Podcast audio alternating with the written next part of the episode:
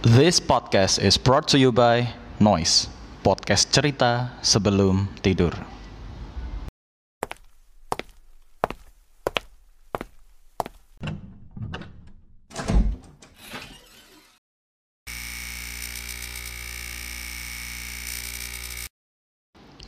Sleep paralysis atau kelumpuhan tidur merujuk pada keadaan di mana tubuh tidak mampu digerakkan ketika dalam fase antara tidur dengan sadar atau dalam keadaan terjaga. Selain mengalami kesulitan untuk menggerakkan anggota tubuh, penderita sleep paralysis juga tidak bisa mengeluarkan suara, sesak napas seperti dicekik, dan disertai halusinasi seram atau mimpi buruk yang lumrahnya dikaitkan dengan bertemu setan. Mitos tentang bertemu setan ketika sedang mengalami sleep paralysis ternyata tidak hanya terjadi di Indonesia saja, namun negara seperti Finlandia, Swedia, Georgia, Turki, Meksiko, Thailand, Malaysia, bahkan Jepang.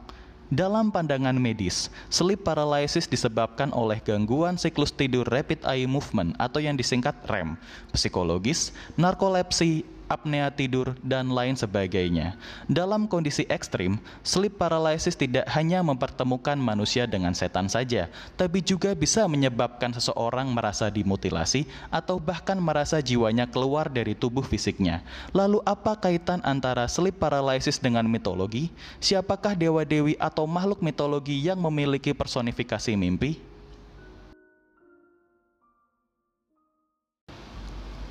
Selamat datang di Semesta Sig Network Mythology.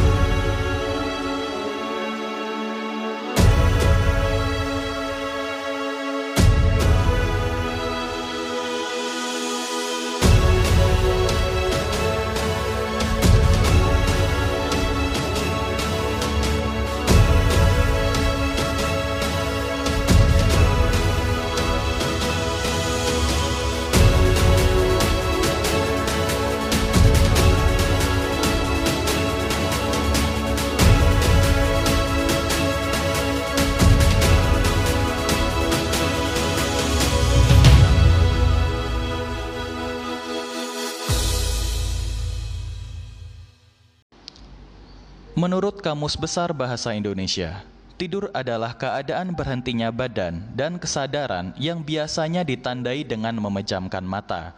Kondisi alamiah ini terjadi hampir di semua makhluk hidup seperti manusia, binatang, baik yang bertulang belakang maupun tidak, dan lain sebagainya. Setelah terlelap dalam tidur, umumnya dilanjutkan dengan bermimpi. Menurut Kamus Besar Bahasa Indonesia, mimpi adalah sesuatu yang terlihat atau dialami dalam tidur. Mimpi adalah serangkaian gambar, ide, emosi, dan sensasi yang terjadi secara tidak sadar dalam pikiran seseorang yang terjadi selama tahap tidur tertentu.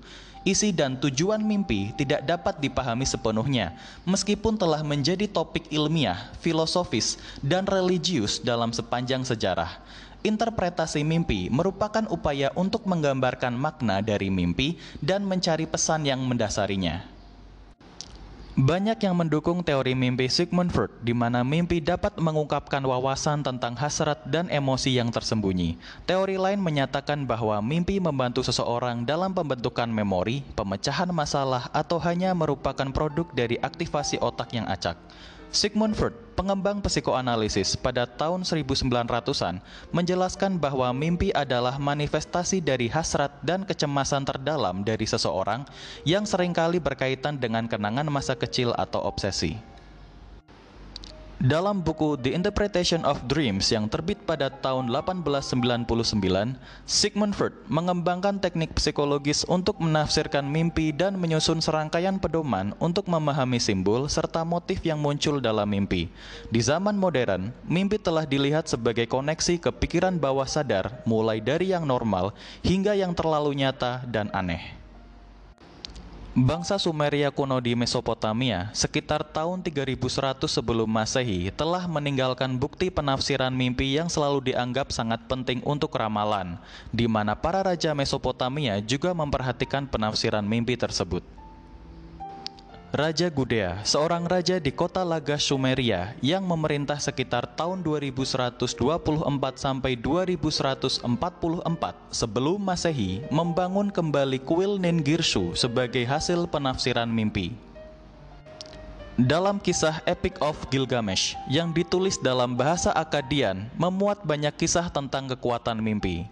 Pertama, Gilgamesh, seorang pahlawan dari mitologi Mesopotamia kuno dan raja kota Uruk Sumeria memiliki dua mimpi yang meramalkan kedatangan Enkidu. Kemudian, Enkidu, seorang rival Gilgamesh yang digambarkan sebagai manusia kerbau bermimpi tentang pertemuan para pahlawan dengan Humbaba, raksasa penjaga hutan cedar. Dalam prasasti ketujuh dari kisah Epic of Gilgamesh, Enkidu menceritakan mimpi kepada Gilgamesh di mana Enkidu melihat para dewa yang bernama Anu, Enlil, dan Shamash menghukumnya mati. Enkidu juga memiliki mimpi di mana dia mengunjungi dunia bawah atau yang disebut underworld.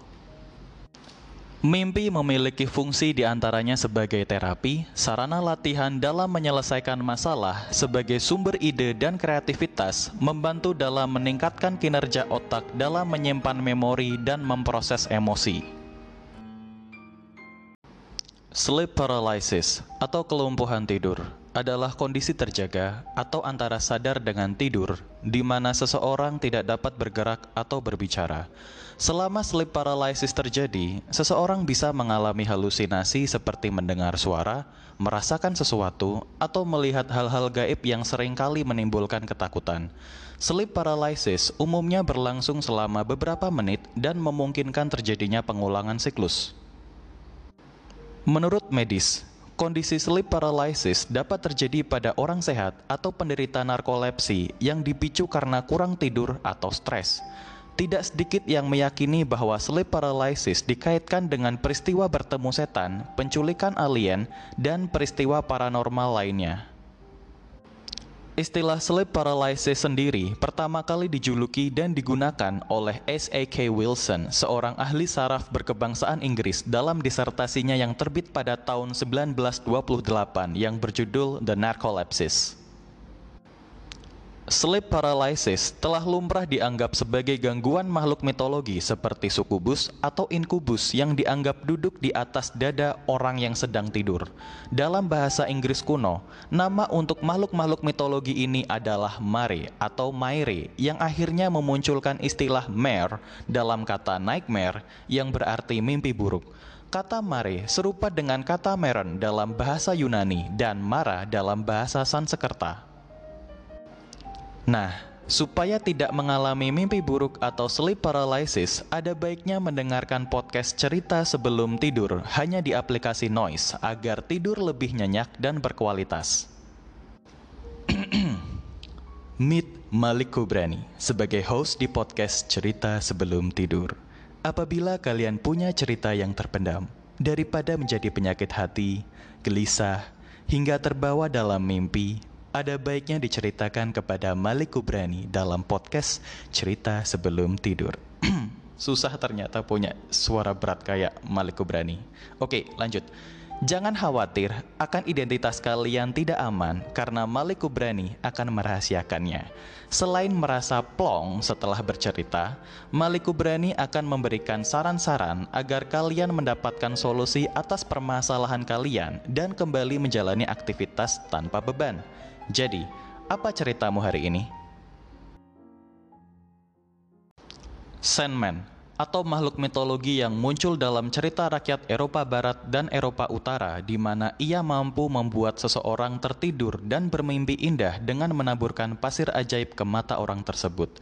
E.T.A. Hoffman, seorang penulis berkebangsaan Jerman pada tahun 1776 sampai 1822, menulis cerita pendek atau cerpen yang berjudul Der Sandmann, di mana ia menunjukkan bagaimana karakter menyeramkan itu bisa dibuat. Menurut cerita tersebut, Sandman melempar pasir ke mata anak-anak yang tidak mau tidur. Kemudian mata anak-anak itu terjatuh dan dikumpulkan oleh Sandman. Lalu Sandman membawa mata anak-anak itu ke sarangnya yang berada di bulan dan dihidangkan sebagai makanan untuk anak-anak Sandman.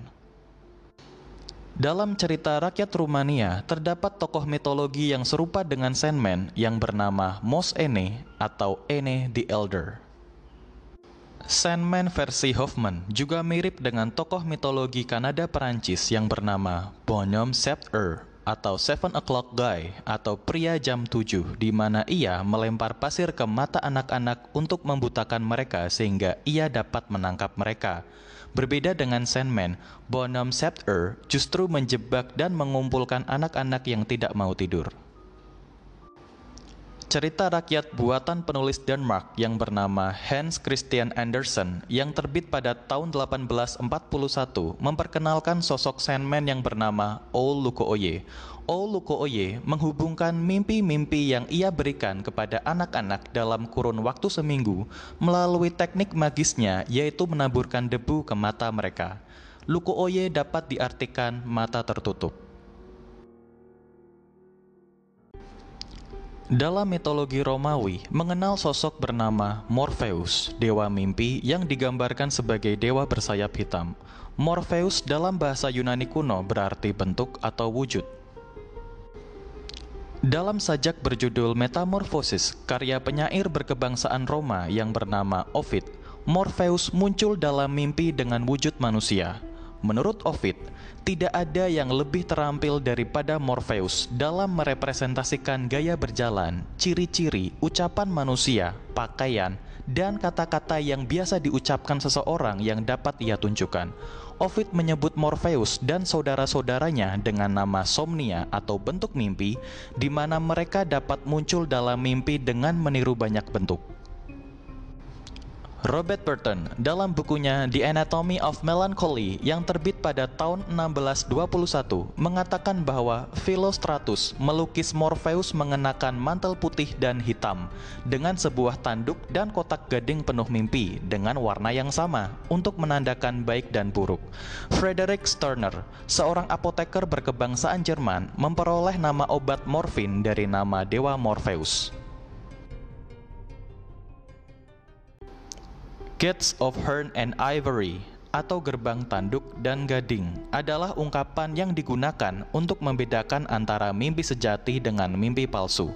Frasa ini berasal dari bahasa Yunani di mana kata horn atau tanduk berarti memenuhi dan kata ivory atau gading yang berarti menipu.